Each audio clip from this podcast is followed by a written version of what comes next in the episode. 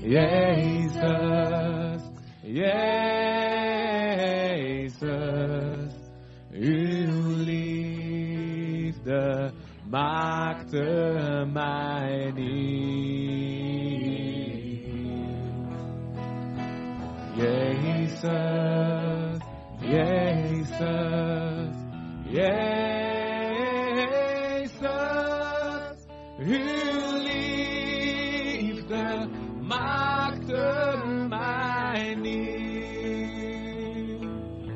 Zo is het, Jezus.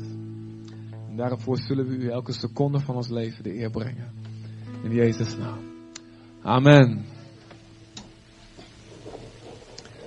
Amen. Oké. Ehm, als iemand mij een slokje water voor mij kan regelen, dan zal ik heel blij zijn. Ja, mag ik? Nee, ik eh, word hier al voorzien. Dankjewel.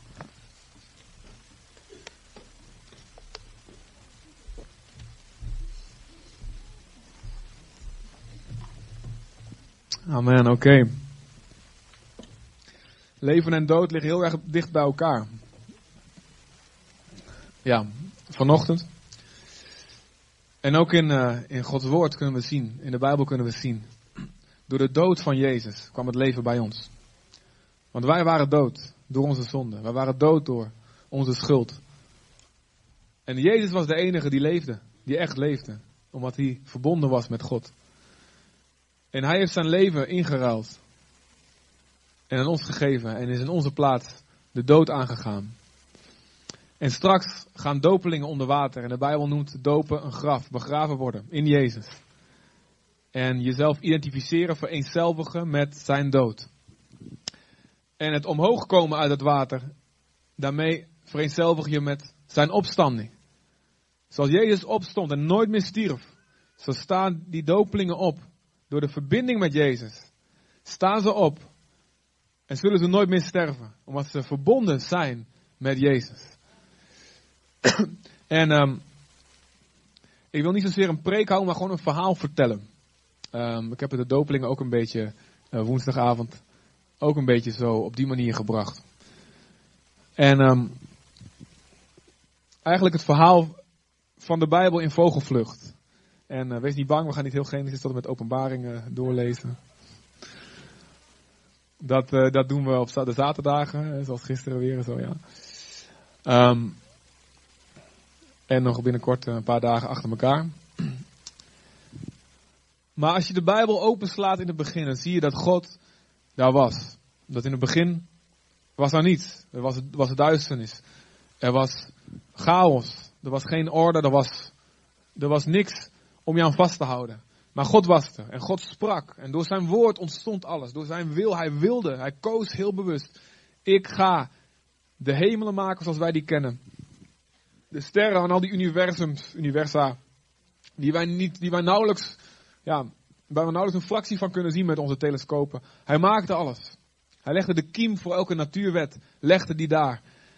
En er stond dat hij heel bewust koos. Ik maak een omgeving waar ik mensen kan zetten. Wezens die lijken op mij. En er zijn heel veel wezens in het krioelde van de beesten. Maar God zei, er is één speciaal wezen wat ik wil maken. En waarom zijn ze speciaal? Ze zijn gemaakt naar mijn beeld. Ze zijn bedoeld om te lijken op mij. En op die manier de aarde te vullen met mij. Dat als al die andere wezens en, en al die andere planten en al die muggen, en als ze kijken naar die mens, dat ze mij zien. En als die mensen kijken naar elkaar, dat ze een stuk van mij zien. En er staat, hij schiep ze naar zijn beeld, man en vrouw. Zowel een man en vrouw samen zijn nodig om, om dat beeld van God compleet te maken. En ze vullen elkaar aan. Een vader en een moeder is nodig om samen te laten, het ouderschap van God te laten zien.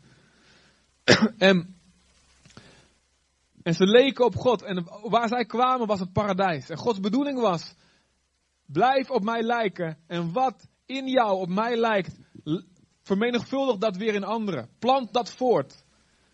Maak jezelf talrijk. Maak wat ik in jou gelegd heb. Mijn hart, mijn liefde, mijn karakter, mijn geduld. En al die dingen die God God maken. wat, God, wat de Bijbel Gods glorie of Gods heerlijkheid noemt. Het karakter van God. De eigenschappen van God. Wat daarvan in jou is, verspreid dat overal. En de bedoeling was dat overal waar die mens zal komen, dat het hele aarde gevuld zal worden met, een met het paradijs. En door de hele Bijbel komt het verlangen van God terug. Ik wil de aarde vullen met mijn glorie. Met mensen die naar mijn beeld gemaakt zijn. Maar goed, ik denk dat we allemaal ook weten wat er vrij snel daarna gebeurde. Adam en Eva vielen voor de verleiding om als God te zijn zonder God. Om een goede behoefte die God ze gegeven had, op God te lijken, dat was de bedoeling, om die te gaan vervullen, maar dan buiten God om. En dit is de verleiding waar wij vandaag de dag nog steeds elke dag met z'n allen massaal voor blijven vallen. Behoeften vervullen die van God komen, Behoefte aan veiligheid en aan waardering, aan goede relaties en aan seks en aan eten. En al die behoeften vervullen, maar dan zonder God. Luisteren niet naar wat, hoe God zegt hoe wij dat kunnen doen.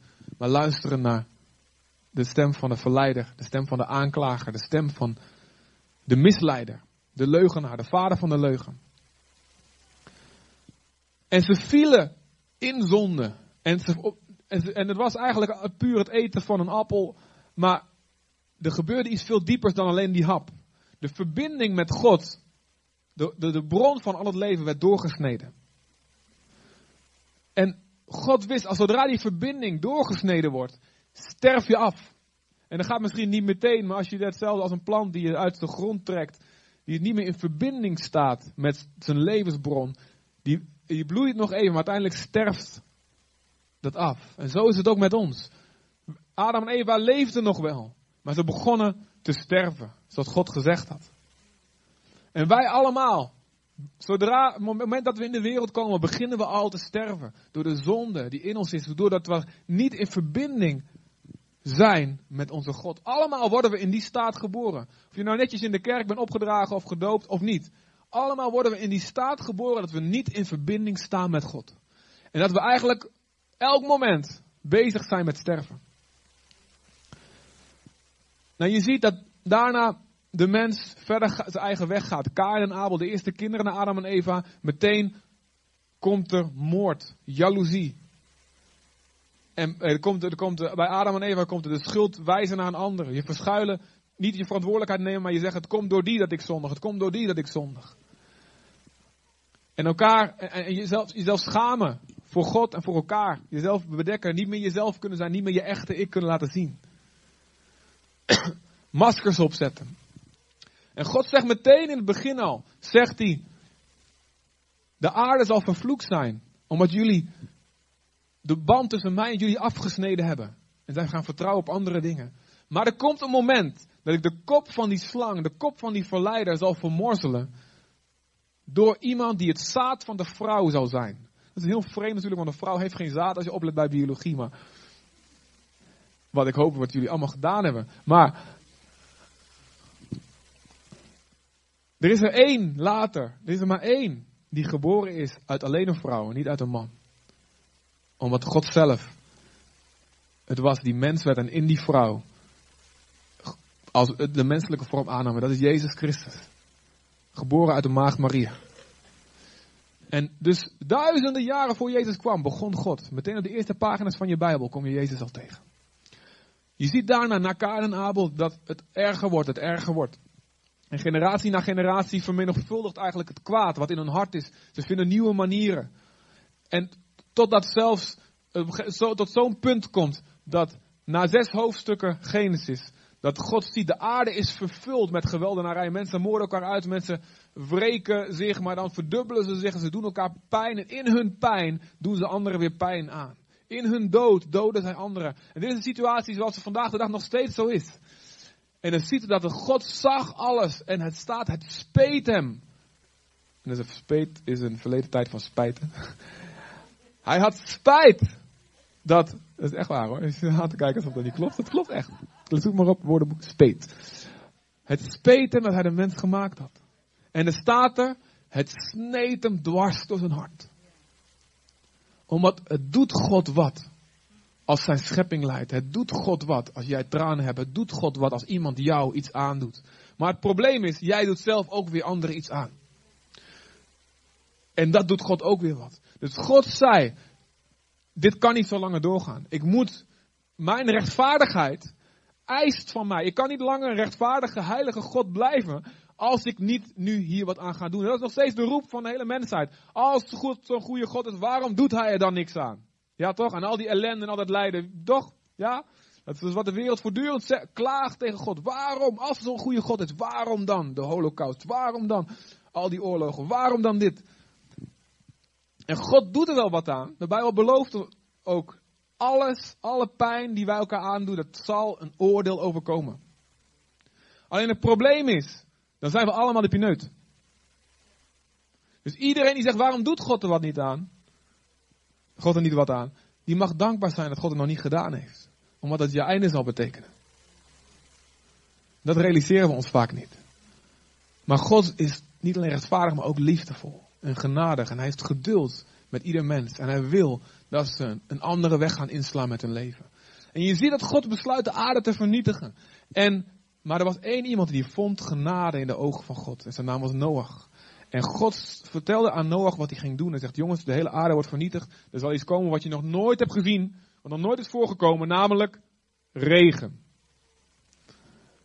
En op de aarde werd op een andere manier bevochtigd. Er waren ook geen seizoenen. Mensen werden hartstikke oud. De aarde was, er was, zag er heel anders uit. Een ander systeem. Ander klimaat, ander ecosysteem. Sommige mensen denken dat de aarde de, de, de schuin is komen te staan rond de zonsvloed. En dat alles veranderd heeft. Maar goed, ik weet dat niet precies.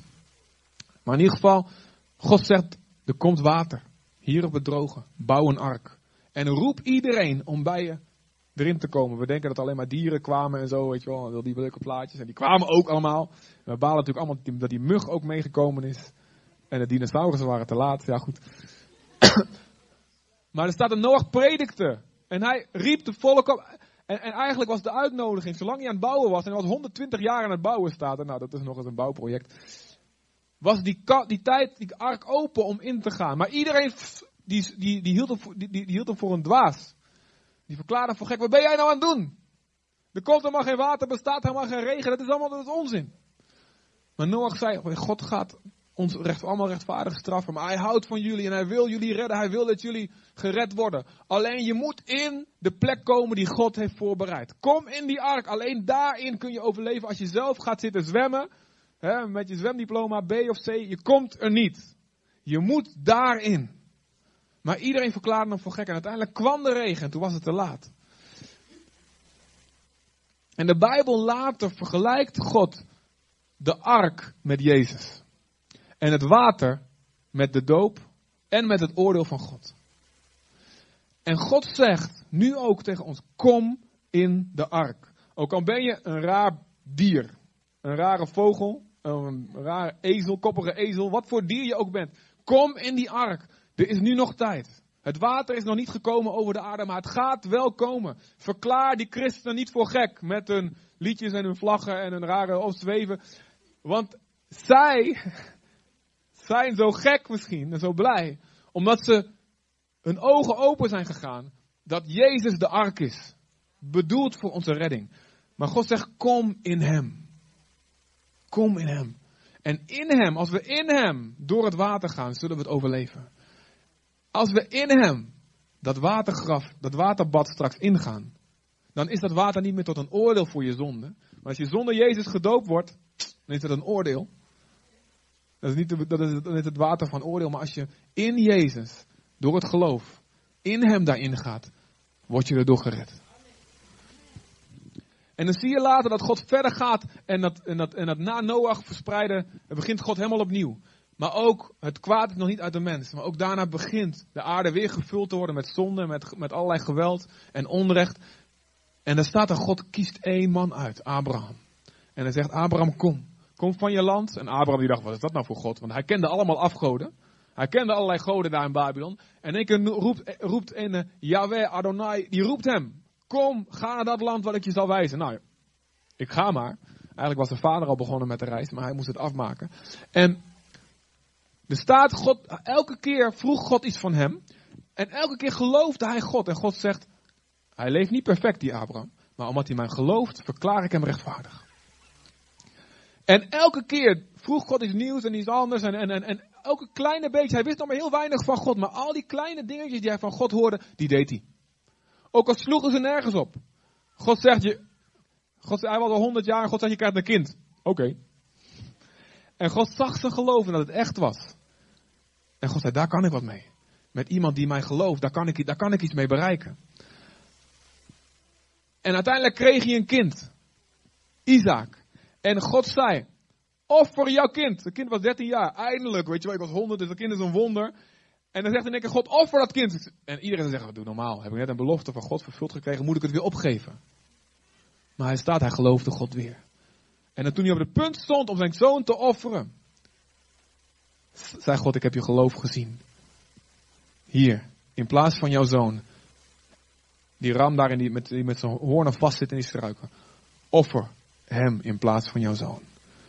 En God, en God zei vanaf nu, omdat je dit gedaan hebt, de hele aarde zal gezegend worden door jou heen. En door jouw zaad, door jouw nageslacht heen.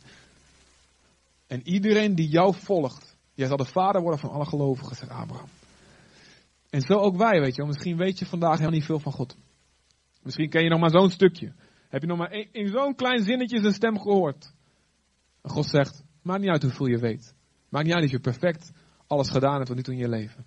Maar datgene wat ik je laat zien, als je mij gelooft, zal je een kind van Abraham zijn. En zal dat je tot rechtvaardigheid worden gerekend. En zal ik je stap voor stap de weg laten zien. En dat offer van wat hij bracht met Isaac. En dat, die dat schaap wat in die struiken vast zat. Dat spreekt weer over Jezus. Dat God zegt, in plaats van jou heb ik een ander offer. Namelijk het lam van God, het volmaakte lam, Jezus. En dan zie je dat God een volk gaat beginnen met Abraham. En de bedoeling van God was om aan de hele wereld te laten zien, dit is wat er gebeurt als je in verbinding met mij leeft. Weet je nog, Adam en Eva, die verbinding die met God die ze hadden, die ze kwijtraakten? God begon die verbinding weer te herstellen. Hij is de download alweer begonnen, weet je wel. En Abraham had nog maar een paar kilobytes ervan, had hij nog maar ontvangen. Maar hij dacht van, wow, dit is een goede, goede, um, goede bestand, zeg maar, wat eraan komt. En God had de bedoeling om dat volk zijn heerlijkheid, weet je nog? Zijn karakter. Dat dat, dat volk zijn karakter zal laten zien. En het volk komt via allemaal, allemaal omwegen, komen ze in slavernij in Egypte. En dan roept God een man Mozes. En Mozes die was eerst een hele machtige kerel en die kon eerst van alles. En God heeft hem dat allemaal afgeleerd. Vertrouwen op zichzelf moest hij helemaal afleren. Nou, dat doet God soms ook bij ons, ja toch? We verdenken dat we alles kunnen en hij wou uit zijn eigen kracht wel eens eventjes de boel gaan bevrijden. En God zei, eh, zo gaan we het niet doen. En toen moest hij 40 jaar achter schapen aan zitten hobbelen in de woestijn. Hij dacht mijn leven is voorbij, mijn carrière is over. Een plan en een droom die ik had is voorbij. En toen riep God hem, nu ben je klaar. Nu vertrouw je niet meer op jezelf, nu kan ik je gebruiken. En God riep hem en zei, ga terug en bevrijd je volk. En hij moest allemaal van die plagen doen. En denk je er wel van gehoord hebben of een film over gezien hebben met die muggen en, die, en bloed en al die dingen. En op een gegeven moment, toen Farao naar negen plagen niet wilde luisteren, zei God, ik ga alle eerstgeboren kinderen van het land zullen gedood worden. Er zal een, een, een doodsengel, een verderfengel zal door het land gaan. Wat je moet doen is slacht een lam. En smeer het bloed boven de deur. En zorg dat je in je huis bent, ga je huis niet uit. En als die verderfengel dan langskomt, als die engel het bloed ziet, zal dat het teken zijn, hier kan ik niet naar binnen. Ik kan niet langs dat bloed. En dat paaslam, wat geslacht werd, ook dat staat symbool voor Jezus. En als wij, het, als wij het bloed van Jezus boven onze deur hebben, als het oordeel van God over de aarde gaat, waar het bloed is, zal er bescherming zijn. Waarom we zijn in Jezus. En deze dopelingen beleiden, met een doop beleid je niet alleen ik geloof, maar je beleidt dat je een zondaar bent. Je beleidt, ja, ik ben schuldig. Ik verdien zelf de dood. Mijn eigen bloed moet vloeien. Maar ik verklaar hiermee, vanaf nu, het bloed van Jezus zal boven mijn deur zijn. In plaats van mijn eigen bloed. En het volk werd daarna uitgeleid. En, en, en ze kwamen meteen, God die leidde ze in een hele ingewikkelde weg. Niet de meest logische weg, maar een weg waarin ze in de problemen kwamen. En ze kwamen ze met een neus voor de zee. En het leger van de farao zat achter ze aan om ze te pakken. En ze konden geen kant op. En God had ze daarin gebracht. God leidt je soms in een plek waar je geen kant meer op kan. Zodat je leert dat je op hem kan vertrouwen. En zelfs de meest onmogelijke situaties voor hem mogelijk zijn. Amen. En God opende die zee. Ik denk dat jullie ook dat verhaal kennen. Ook als je nooit in de kerk bent. Je hebt vast gehoord. Mozes die door de zee gaat. De zee staat als een muur. En, en Bruce Almighty heeft nog hele mooie varianten van met de tomatensoep. Dat heeft nooit niemand alleen ik al gezien. Ja. en ook daarin zegt God. Ook het volk werd gedoopt in de zee. Ook daarin laat God zien. Als jij in Jezus, in het geloof, door het water gaat, kun je veilig oversteken. Kun je veilig ook het graf oversteken. Als jij sterft, zoals wat met onze zus gebeurd is van de week. De wateren zullen blijven staan en je zal niet echt omkomen, maar je zal aan de andere kant komen. En het volk kwam allemaal veilig over in geloof. Maar de, de anderen die hun wouden na, achterna jagen, Zodra ze erin kwamen, hun wielen bleven steken en vroom, het water kwam over ze heen. Het werd hun einde, het werd een oordeel. Oké, God gaat verder. En God die leidt ze in de woestijn. En God gaf ze de tien geboden. God gaf ze de wetten daar midden in die woestijn. Mozes op bovenop die berg. Maar meteen zag je al vanaf het begin, het volk kon zich niet houden aan die goede wetten. De wetten waren goed, er was niks mis mee. Er zat erbij wat voor offers je moest brengen om weer je zonde vergeving te krijgen. En, en er stond bij hoe je moest leven. En er stond in hoe je met elkaar moest omgaan. Hoe je met het land moest omgaan. Maar het volk kon zich er niet aan houden vanaf het begin. En daarmee liet God eigenlijk meteen zien: joh, wat ik van je vraag, niemand kan het uit zichzelf houden. Er zijn heel veel mensen tegenwoordig die zeggen: Oh, ik heb geen Jezus nodig om naar de hemel te komen. Als een God bestaat, nou, ik ben, ik, wat ik doe moet goed genoeg zijn. En anders dan, ja, dan vind ik die God maar onrechtvaardig. Maar God laat in de hele Bijbel juist zien, niemand redt het. Zelfs moeder Teresa op haar beste maandag lukt het niet om heilig genoeg te zijn om alles te doen wat God van ons vraagt. Wij allemaal zijn als Israël. God geeft ons in ons, als we het niet gehoord hebben in een kerk of in de Bijbel gelezen hebben, dan zegt ons geweten wel, dit is wat, wat je hoort te doen. Dit is rechtvaardig leven. En allemaal schieten we tekort. Ja toch? Of is er iemand die zegt, nee maar ik uit mezelf, en ik ook. Netjes opgevoed. Dacht ik. Ja, denk ik nog steeds. Mijn ouders zijn hier toch niet, maar netjes opgevoed. Vriendelijke jongen, dacht iedereen. Maar mijn hart was vol trots, hoogmoed, zelfzucht, arrogantie. Alles voor op mezelf gericht. Huichelarij. En aan de buitenkant dachten mensen, nou, ik doe het best goed. Nou, dat was ook niet helemaal waar, maar goed. Ik had overal een smoes voor. Maar God zag mijn hart. En wist dat het niet oké was. Ook ik heb de wet van God verbroken. En God liet meteen zien, joh, je hebt niet alleen die wetten nodig, je hebt offers nodig. Dus elke keer als je zondigt, dan kon je een dier nemen. En dan kon je je handen op dat dier leggen. Sorry, Dinant. Je zit zo lekker hier makkelijk vooraan. En dan mocht je je zonde beleiden. Vertellen wat je, ik heb gelogen, ik heb gestolen, ik heb dit en dat gedaan. Eigenlijk verdien ik de dood. Maar ik leg het nu op dit onschuldige schaapje. Sorry, Dinant, je bent een onschuldig schaapje in Jezus' naam. Verklaar ik. En dan moest de priester dat schaapje nemen en, en, het, en het bloed laten vloeien. Dat dier moest dood in jouw plaats en dan wist je dat had mijn bloed moeten zijn. Maar dank God dat ik niet dood hoef, maar dat er een offer is. En zo ging dat volk verder en verder en ze namen het land in bezit onder leiding van God, maar voortdurend. Ze gingen bij God weg. God riep ze terug. God redde ze weer. Ja, halleluja. God is goed na een tijdje. Oh, zakt het weer in. Nou, andere dingen zijn ook wel leuk. En, moest, en, dan kwamen ze weer in de problemen. Weer, oh God, help, help, help. En toen, oh, toen God ze redden. Na een tijdje, oké, oké, gaat wel lekker, gaat wel lekker. Room. En ze gingen weer de andere kant op. Zo zijn wij allemaal, ja toch? We hebben allemaal nodig voortdurend herinnerd te worden aan hoe goed en lief God is. Anders verliezen we die verbinding weer. En dan staat er dat een koning kwam, David. En, en David was een man naar Gods hart. En David wou een tempel bouwen. Een plek waar God woonde. En God zei, jij bouwt voor mij een tempel. Ik heb helemaal geen tempel nodig, joh. Maar goed, hartstikke fijn, doe het maar. Maar ik weet je, ik bouw voor jou een tempel. En ik laat jouw zoon, laat ik op de troon zitten en die zal regeren. Nou, zijn zoon heeft er een potje van gemaakt uiteindelijk. Hij, God sprak alweer over een zoon van David en zijn naam was Jezus. Hij zal een tempel voor mij bouwen. En God vond die tempel hartstikke leuk en hij vulde het met zo'n wolk en hij, hij werkte hartstikke mee. Hij vond het hartstikke mooi. Maar hij zei, de echte tempel, dat zijn jullie, jullie lichamen. Jullie als mensen, jullie zijn mijn tempel. Ik wil in jullie wonen. Ik wil jullie vullen met mijn geest. Ik wil dat in jullie de plek komt waar anderen mij kunnen ontmoeten. Ik wil in jullie laten zien wie ik echt ben. En jij als individu bent bedoeld als een tempel van God. En wij samen ook als kerk zijn bedoeld als een tempel waarin God wil wonen. En zichzelf wil laten zien aan de wereld die niet weet wie God is. En dan zie je daarna dat het volk blijft doorgaan. Het volk Israël blijft doorgaan de verkeerde kant op te wandelen. En uiteindelijk moet het oordeel van God komen over het volk. En ze worden weggevoerd naar Babylon. En daar worden ze voor goed genezen van een afgoderij. Daarna vervallen ze nooit meer in het aanbidden van andere goden. Maar goed, wat er gebeurt is hun naleven van de wet wordt een soort regeltjes volgen. En, ze, en het wordt alleen maar een buitenkant. En maar het hart hebben ze niet. En 400 jaar blijft God stil. Komt er geen profeet. Geen enkele inspiratie meer van God. En na 400 jaar staat er een man op. En God had gesproken, als mijn Messias komt, als mijn zoon komt. Als die zoon van David komt, als de zaad van die vrouw komt.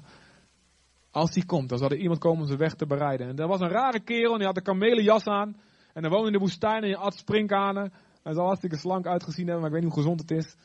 En iedereen verklaarde hem voor gek, voor idioot. En toen begon hij te prediken. En toen zei hij, bekeer je allemaal en laat je dopen. En de joden hadden zoiets van, dopen doe normaal. Ik ben toch geen vieze buitenlander dat ik laten dopen. En daar bedoelden ze mee. Alleen als je een buitenlander was die Jood wilde worden, die de God van Israël wilde gaan aanbidden, dan moest je je laten dopen. Maar wij Joden, wij hoeven toch niet ons te bekeren. Kom op, we zijn geboren en we zijn in, in, in het heilige volk. Maar God sprak op dat moment een boodschap die wij vandaag de dag nog steeds moeten horen. Iedereen, goede afkomst, slechte afkomst, allemaal moet je je persoonlijk bekeren. Of je in de kerk geboren bent, dat betekent dat je de deur openlaat of niet. Ja, of, je of je in de kerk geboren bent of, of heel ergens anders. Je moet je allemaal, je moet je, je keren tot God. Je moet allemaal je laten wassen van je zonde. En als het niet hele duidelijke zonden zijn van, van, van overspel en, en moord en wat, wat voor dingen dan ook en geweld, of de bak in en de verhalen, wat voor verhalen je ook maar hebt. Of dat het hele stiekeme gemeenen zijn zoals jaloezie en egoïsme en hebzucht en mensen niet helpen die in nood zijn. Al die dingen, we moeten ons ervan laten afwassen. En zo bereidde Johannes het volk voor voor de komst van Jezus. En toen hij kwam, zei Johannes, oké, ik neem nu afstand van elke claim. Hij is het. Hij is het over wie ik sprak. En Jezus kwam en hij liet het volk zien, zo heeft God zijn wet bedoeld. Niet een regeltje wat je moet volgen. Niet zo van, nou, ik heb niemand vermoord, mooi, heb ik weer een gebod vervuld, check, weet je wel. Kijk eens hoe geweldig ik ben. Nee, in je hart haat je en veracht je andere mensen. En als ze jou iets aan, dan heb je helemaal geen genade voor ze. Je vergeeft ze niet zoals God jou wel voor wil vergeven.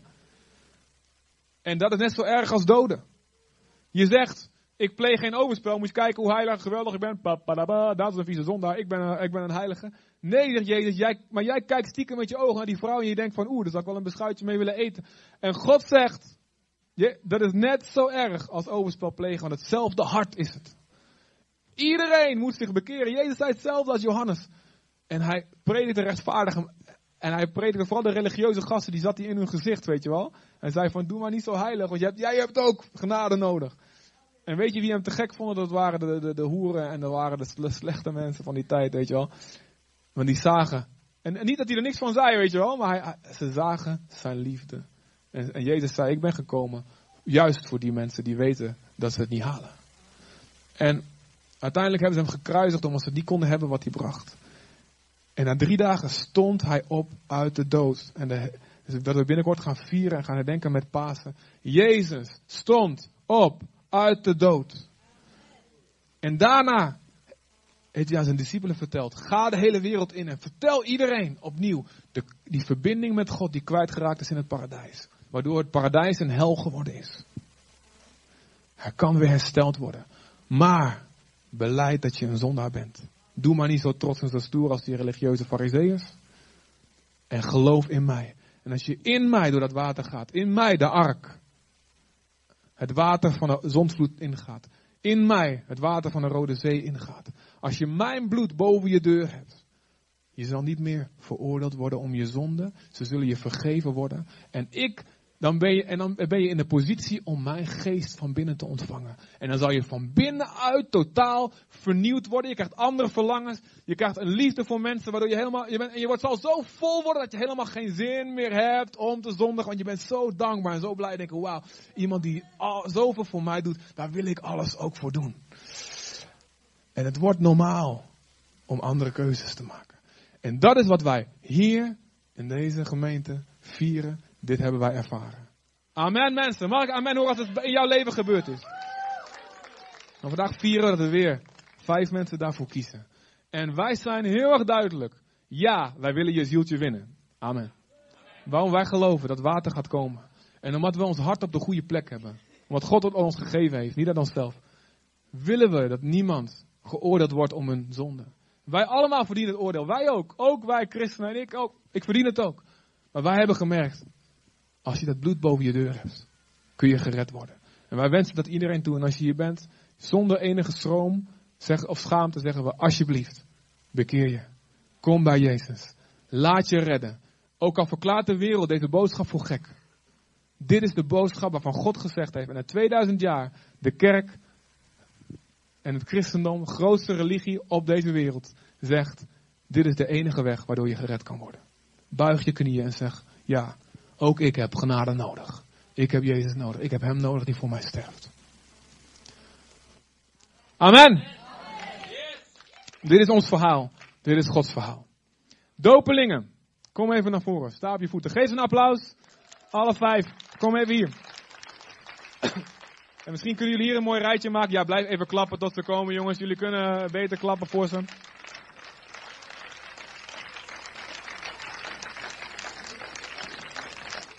En ik zou zeggen, hou je stoel goed vast. Want dit zijn verhalen. Dit zijn evangeliën. Snap je? Dit zijn. Ah, er is er eentje al. Uh... Hij komt eraan, oké, oké, dat komt goed. Hij is even naar de wc, zeker. Yes. Ja, dopelingen gaan ook naar de wc.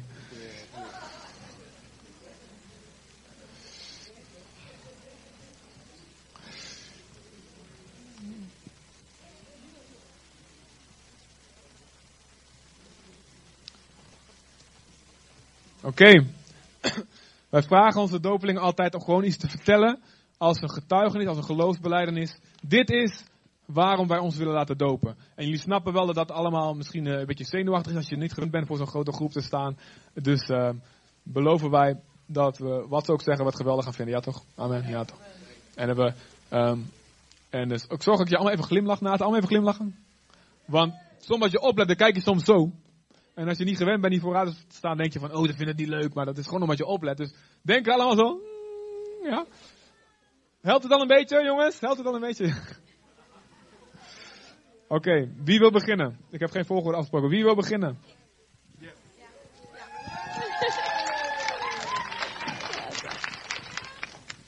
Nou, dank u wel dat u hier allemaal bent. En um, nou, mijn getuigenis. Voordat ik Jezus leerde kennen, had ik veel haat en woede in me. Door vervelende en pijnlijke dingen die ik heb meegemaakt.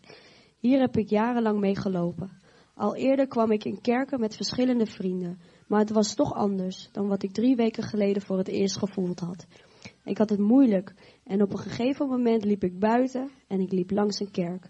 En ik draaide mijn hoofd en ik had toch de behoefte om naar de kerk te gaan. Maar ik draaide mijn hoofd terug en liep verder. Verder. een paar weken later ging ik een weekend naar Naomi. Hey. Zo'n lieve schat, dankjewel. Uh, wat ik nog niet besefte, was dat zij mij een paar weken later zou gaan dopen. In de kerk voelde ik dat mijn haat en woede werd omgezet in liefde. Toen ik Jezus leerde kennen, waren de deuren van mijn hart opengegaan en ik huilde met tranen van blijdschap. Omdat ik zoveel liefde ervaarde op dat moment, merkte dat merkte, ik merkte dat de mensen hier in de kerk zo vol zijn van de liefde van Jezus. En dat wilde ik ook voelen. En vanaf dat moment heb ik meerdere aanrakingen gehad. Nu weet ik dat Jezus voor iedereen en dus ook voor mij aan het kruis heeft gehangen en heeft geleden. Zodat wij bij de Vader kunnen komen en het eeuwige leven mogen hebben. Ik heb sindsdien mijn hart aan Jezus gegeven. Ik bid tot Jezus en ik wil Hem volgen. Hij is de weg, de waarheid en het leven. ik heb Jezus om vergeving gevraagd. Maar ik wil ook hen vergeven die mij pijn hebben gedaan. Want als er vergeving is, kan er genezing zijn. Amen. Amen. Je hebt woensdag heb je ons iets verteld. Uh, je hoeft het niet te vertellen, maar goed, zou je misschien iets willen vertellen over van de haat die in je was? En misschien over die vergeving. Misschien kan dat iemand helpen. Hoeft niet, mag wel. zenuwachtig namelijk. Ehm, ja, ik, weet niet, ik wil wel wat vertellen. Ja, ehm, wat ook weer? Over vergeving. eh, de- Oh ja, ehm, nou, eh, ik kon de mensen die me pijn hadden gedaan niet heel moeilijk vergeven. Ik, ik zat gewoon met heel veel woede en ja, het vrat me echt op van binnen. Ik zat alleen op mijn kamer en ik eh, begon heel veel te snoepen, heel ongezond. En eh, op een gegeven moment, eh, ja. ja, als je vergeeft, ja, dan word je gewoon genezen. En ja, als je dat niet kan, dan ja, wordt het alleen maar erger. En, ja. Amen. Ja, dankjewel. Heel goed, heel goed. En nou, het vergeven betekent dus niet ehm, dat het onder het tapijt geschoven wordt door God. Hè? Alleen dat zeg je, daarmee zeg je eigenlijk van, ik heb zelf niet het recht om deze anderen te veroordelen, want ik moet zelf ook vergeving krijgen van God en van anderen. Ehm, dus ik, ik zeg, God moet de rechter hiervan zijn, want ik ben niet rechtvaardig genoeg om deze persoon nog langer dit tegen die persoon te houden. Dus ik laat het los en ik geef het over aan een hogere rechter. Dat is wat vergeving eigenlijk betekent. En omdat God mij vergeeft door zijn zoon Jezus Christus, wil ik ook daarop reageren door anderen te vergeven. Ook al hebben ze nog geen spijt, ik wil toch die houding naar ze toe hebben. En dat betekent niet dat je de beste vrienden meteen hoeft te worden, want daarvoor moet er ook een berouw zijn, een herstel van de andere kant. Maar goed, in mijn hart zeg ik, God is vanaf nu de rechter en ik niet langer meer. En, God- Jezus belooft, laat los en je zal losgelaten worden. Je zal in de vrijheid komen. Dat is wat Tim Joks heeft ervaren. En daarom is ze ook zo blij. Dat verklaart misschien die blijdschap van je denkt van, ah, rare blijdschap. Amen. Goed getuigenis. Ja toch? Wie wil als volgende? Nou, hallo allemaal. ik, eh, ik kan het lang houden, maar ik kan het ook kort houden, mijn krachten. Ik eh, ben hartstikke zenuwachtig, dus eh, het zal wel kort, eh, kort zijn. Ik, ehm, eh, ik geloofde niet in God, maar ehm, ik vroeg om hulp op een gegeven moment na mijn eh, ellendige leven. En eh, ik vroeg of er iemand op mijn pad mocht komen die mij, eh, ehm, die mij overal doorheen zou trekken. En eh, ja, toen kwam mijn grote liefde. Zit daar. En ja, hij heeft zo liefdevol over God gepraat. En ik kon, ik kon, weer, ik kon weer stralen. Sorry dat ik. En ehm na mijn ellendige leven heeft hij eh, mij als het ware geholpen om erop te komen. En eh, hij heeft mij, mijn vriend heeft me naar Maya geleid, die, die zit daar. En ehm, die heeft mij ehm, genezen. Heeft mij helpen genezen. Zij heeft mij geleerd om in God te geloven. En zij heeft mij losgesteld van al mijn problemen. En dat heeft ze samen met God gedaan. En ik heb zijn aanraking gevoeld en ik heb hem meerdere keren gevoeld. En eh, ja, daarom wil ik hem volgen. Heel goed. Hey. Kun je, za- waaruit heeft Jezus jou allemaal gered? Waar, of waarvan of waaruit? Zou je dat willen delen met ons? Ja, heel kort hoor.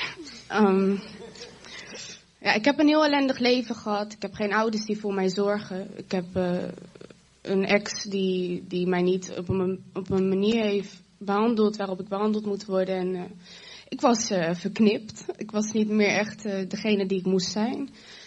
En eh, ik ben genezen van mijn maag, waarvoor ik eigenlijk een donor nodig had. En God heeft mij genezen. Ja, want je, wa- je was hier hè, in de dienst en je moest de dag erna geopereerd worden, toch? De dag erna? Oh, de dag erna had je een röntgen, eh, röntgenfoto afspraak in het ziekenhuis. En eigenlijk had je dus een hele nieuwe maag nodig, een maagtransplantatie had je nodig. En toen, eh, na de dienst, hebben Maria en Jeroen voor je gebeden. Ik weet, misschien weet je dat nog, bij de koffie hebben jullie het nog gezien, eh, ik weet het nog. En toen zei de dokter daarna, wat zei hij de dag erna? Ja, ik was in röntgen geweest en daarna met wij? Daarna werd mij eh, gezegd van wonder boven wonder, je bent genezen. En er was niks meer. Scheelt weer een donormaag. Als je hem in de kerk krijgt. Amen, ja toch? En, en ook met, eh, bij een avond bij, de twaalf eh, van Maria heb je ook iets, eh, heeft God je nog een cadeau gegeven. Toch? Dat je, ehm, je zei van dat je begon te bidden en je hoorde mensen bidden in tongen. Ja. misschien kun je daar één zinnetje over zeggen. Ja, ik heb in tongen leren spreken. Nou, een goed zinnetje, toch? Ja. Nou, dat was ook een heel, uh, heel mooi moment voor je. En um, ja, en je laat je naam veranderen. Nee. Of nee? Mijn doopnaam wordt Noah en mijn roepnaam wordt Siska. Ja. Amen. Applaus jongens, dit is een goed verhaal. Oké, wie volgt? Wie van jullie? Dank je dat jullie allemaal zijn. Ik ben tot God gekomen na een hele hoop ellende. Ik kreeg een metalen plaat in mijn been waardoor ik afgekeurd werd. En dat was een hele grote strijd. En 6 december overleed mijn vrouw. Ik was bezig met een brief van mijn werkgever. Ik mocht hem alleen niet versturen. Omdat ik beloofd dat dat zo zou wezen. Ik was zo de weg kwijt. Ik ben op een gegeven moment naar Israël gegaan, omdat ik het niet wist. Linksom, rechtsom. Toen heb ik gezegd, heer, als het hier moet zijn, laat het me dan zien. En ik zag dingen in mijn droom. En de volgende dag zag ik ze pas echt. Daar, in de kerk van herinnering. En in de graftuin. Daar kwam de aanraking. En daar was mijn weg terug. Dat wou ik met jullie delen. Dus in, in Israël heb, heb, heb, je een, heb je een droom gehad. He, je hebt een droom gehad. En dan heb, je, heb God je dingen laten zien. Toen je tot hem gebeden had, heb je God je dingen laten zien. En de dag erna zag je in het echt. In de, in de, in een, in de kerk, een herinneringskerk. En dan waren ze nog mooier dan dat hij in zijn droom had gezien. En toen wist hij, dit is, dit is echt. En, en hoe ben je hier in de gemeente toen gekomen? Ik ben hier in de gemeente gekomen doordat ik ging zoeken. En zoeken op een plek waar, ja, waar God me in feite zou plaatsen. Ik ging terug naar het leger des Heils. Ik vond het daar niet. Ik kwam hier met mijn moeder. In het begin wist ik het ook niet. En toen op een gegeven moment zei ze van ja, je moet toch terug. Toen ben ik teruggegaan, alleen. En heel langzamerhand begon het te voelen als thuis. Dus vandaar blij ben ik nog steeds hier. Goed gedaan. Goed gesproken. Wat spreken ze goed allemaal, hè? Oké, wie van jullie wil eerst? Ja, ik ben lastig. Ik ben lastig. Uh, hallo, uh, goedemorgen iedereen. Mijn naam is Jeffrey en uh, ik wou even mijn getuigenis geven over mijn band met God. Vanaf toen ik klein was, moest ik verplicht met mijn oma, met mijn moeder naar de kerk gaan. Maar ik wou nooit naar de kerk gaan. Want ik dacht, die mensen duren te lang en ze zijn aan het dansen. En ja, gewoon, weet je, gewoon te veel vermoeiend. Want, dus, dus op een bepaald moment ging ik de Bijbel zelf ook lezen. En ik begon die wijsheid van de Bijbel over te nemen.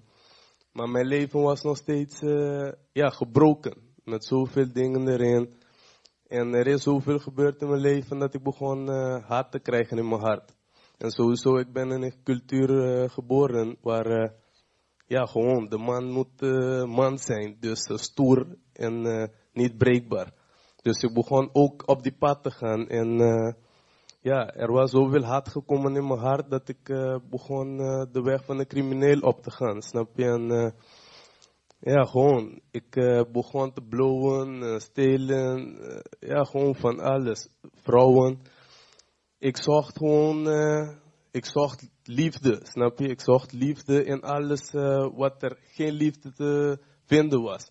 In vrouwen, in geld, in blowen, in alles. En toen had ik uh, zo ver gekomen dat ik in de gevangenis kwam. Maar ik had uh, een paar keer daarvoor, uh, had ik nog in de politiebureau gezeten en toen kwam ik vast te zitten. En ja, ik had uh, 2,5 jaar gezeten. En voordat ik naar buiten kwam, had ik nog zoveel connecties, nog meer connecties gemaakt. Nog meer, ik wou nog meer slechtere dingen doen, nog meer groter worden in de drugswereld. En toen had God uh, een man gestuurd op mijn pad. Voordat ik de gevangenis zou uh, verlaten. En die man die begon zo te praten met. En ik denk, wat is met deze man? Uh, komt hij mij lastig vallen met de woord van God elke keer? en ja, weet je. En ja, ik, want ik, uh, ik denk, ja, gewoon. Ik moet geld, ik moet drugs en zo. Dus, maar ik ging weer herenigen met God. Want toen ik klein was, en ik begon steeds meer te leren, meer liefde te krijgen. Want de man van 50 jaar die alles heeft gedaan, blijft mij lasten vallen met zijn God en zijn liefde. Dus ik dacht, ja, eh, dan accepteer ik die ding maar en ik ga blijven leren. Dus ik kom buiten en ik denk, ja, hij heeft me zoveel geleerd, maar ja, hij moet hij zelf weten. Ik ga nog doorblijven. Daarna had God mij nog een keer iemand gestuurd om Jezus te accepteren. Dus ik had het gedaan, want ik wist het niet meer. Ik uh, dronk, ik uh, wou mensen pijn doen, want zo gebroken was ik in mijn hart. Ik, uh, ik was gewelddadig, ik was gewelddadig. En toen wou ik nog steeds niet luisteren. En toen daarna, ja, toen daarna had God mijn vrouw naar mij gestuurd. Die mij gewoon nog dichter bij God had gebracht. En nog meer en ja, ik moest op de harde manier leren. maar ja, weet je, gewoon. En ik heb gewoon mijn leven uh, willen omkeren voor alles slechte dat ik heb gedaan. Alles, gewoon alles. Er is, er is niks dat je zal vervullen dan alleen maar God. Er bestaat niks. Ik heb al die dingen, al die wegen al geweest. Genoeg mensen, genoeg mensen die al die wegen is geweest. Ervaringstalen in die wegen. Alleen God, alle eer God, tot in eeuwigheid. Klaar.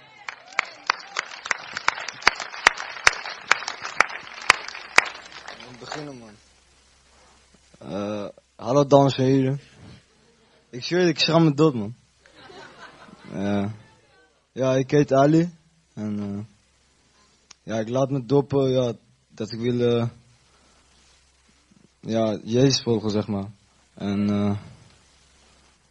ja, vroeger heb ik ook veel slechte dingen of zo meegenomen, weet je. En ja, nu, nu wil ik gewoon van dat soort dingen gewoon afblijven. En gewoon een goede pad op, op goede pad, zeg maar. Nou ja, hebben we vragen of zo? Heel goed. Uit welk land kom je, Ali? Dat weten de mensen denk ik nog niet. Uh, ik ben Afghans, man. Uit Afghanistan. En misschien kun je vertellen een beetje ook over ja, hoe, je, ja, hoe je hier bent gekomen? Ja, ik heb geen ouders. Mijn ouders zijn vermoord toen ik 12 was, weet je. En ja, ik moest toen bij uh, zo'n pleegvader wonen. Toen... Uh, ja, had me mishandeld en zo, weet je. Ja, het is gewoon, hoe zeggen. Ja, toen ben je hier gekomen, heel hartstikke goed joh. Toen ben je hier gekomen en um, uh, toen heeft iemand in Zeewolde, heeft ook jou, net als met Jeffrey, heeft hij ook jou lastig zitten vallen, toch? Met het woord van God, ja toch? Ja. Hij heeft jou in huis, hij heeft, er was iemand en die heeft jou in huis gewoon, kom maar bij mij thuis chillen, zeg maar. Je was een beetje op straat en, uh, ja, zo ging het toch? Ja.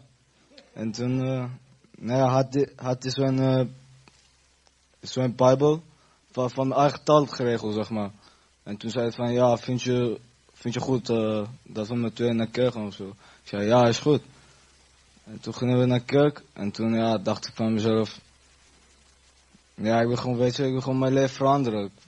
Van één kant ga ik naar kerk en van de andere kant ga ik, weet je, ga ik slechte dingen doen of zo.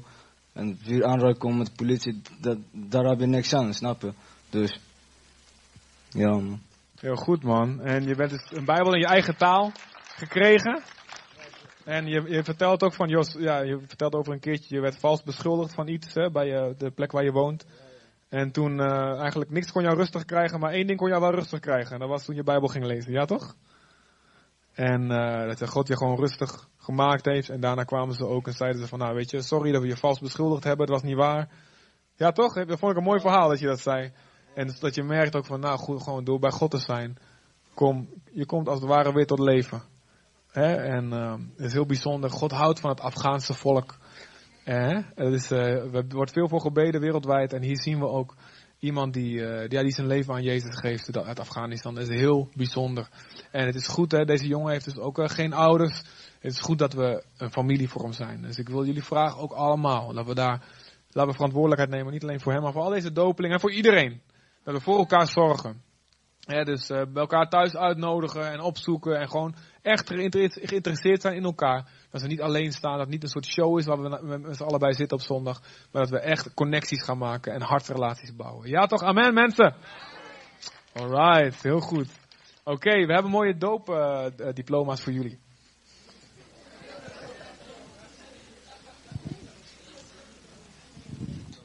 Ja, er zijn mensen die hebben voor jullie gebeden om een tekst. En uh, die staat op jullie doopcertificaat. Ik ga even zo met mijn rug uh, deze kant op staan. John. John Lentink. De tekst die voor jou is uitgekozen staat in Hebreeën. Hebreeën 10, vers 19 tot 22. Daar staat, omdat wij nu, broeders, vrijmoedigheid hebben om in te gaan in het heiligdom door het bloed van Jezus. Langs een nieuwe en levende weg die hij voor ons heeft ingewijd door het voorhangsel, dat is zijn vlees. En omdat wij een grote priester hebben over het huis van God, laten wij dan toegaan met een waarachtig hart. In volle zekerheid van het geloof. Na ons hart gereinigd is, nadat ons hart gereinigd is van een slecht geweten en ons lichaam gewassen is met rein water. Het is een lange tekst, maar mag je thuis nog een keer doorlezen. Heel vaak.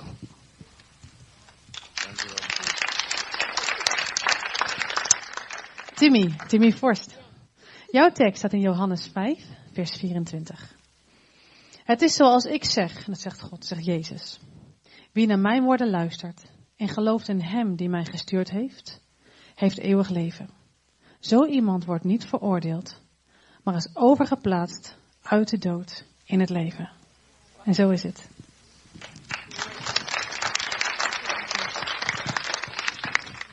Ali. Ali, zeg ik goed? Ali Nazari? Ja, goed. Jouw tekst staat in Matthäus, hoofdstuk 6, vers 33. Geef God en zijn koninkrijk de hoogste plaats in uw leven, want hij zal dan in alles voor u zorgen.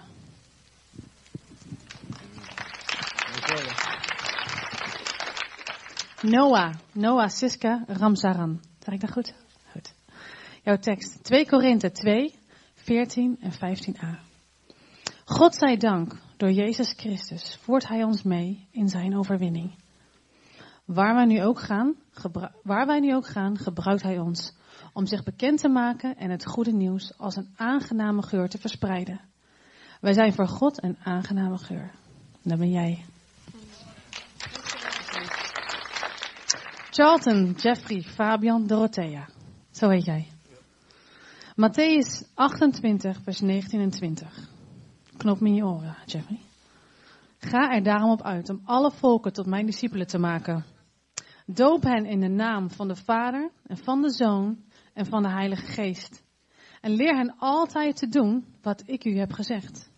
En vergeet dit niet. Ik ben altijd bij u tot het einde van de tijd. Amen. Dus let goed op. Volgende keer doop jij misschien iemand. Heel goed. Oké, we gaan het zo doen dat de dopers, uh, de, dopen, de dopen mensen en de, en de dopers, die gaan er eerst nog even omkleden. Die gaan als eerste even nu weg. En daarna worden jullie, uh, uh, ik denk, door, door iemand, wat even in groepen begeleid om, om die kant op te gaan. En we zijn met heel veel mensen. En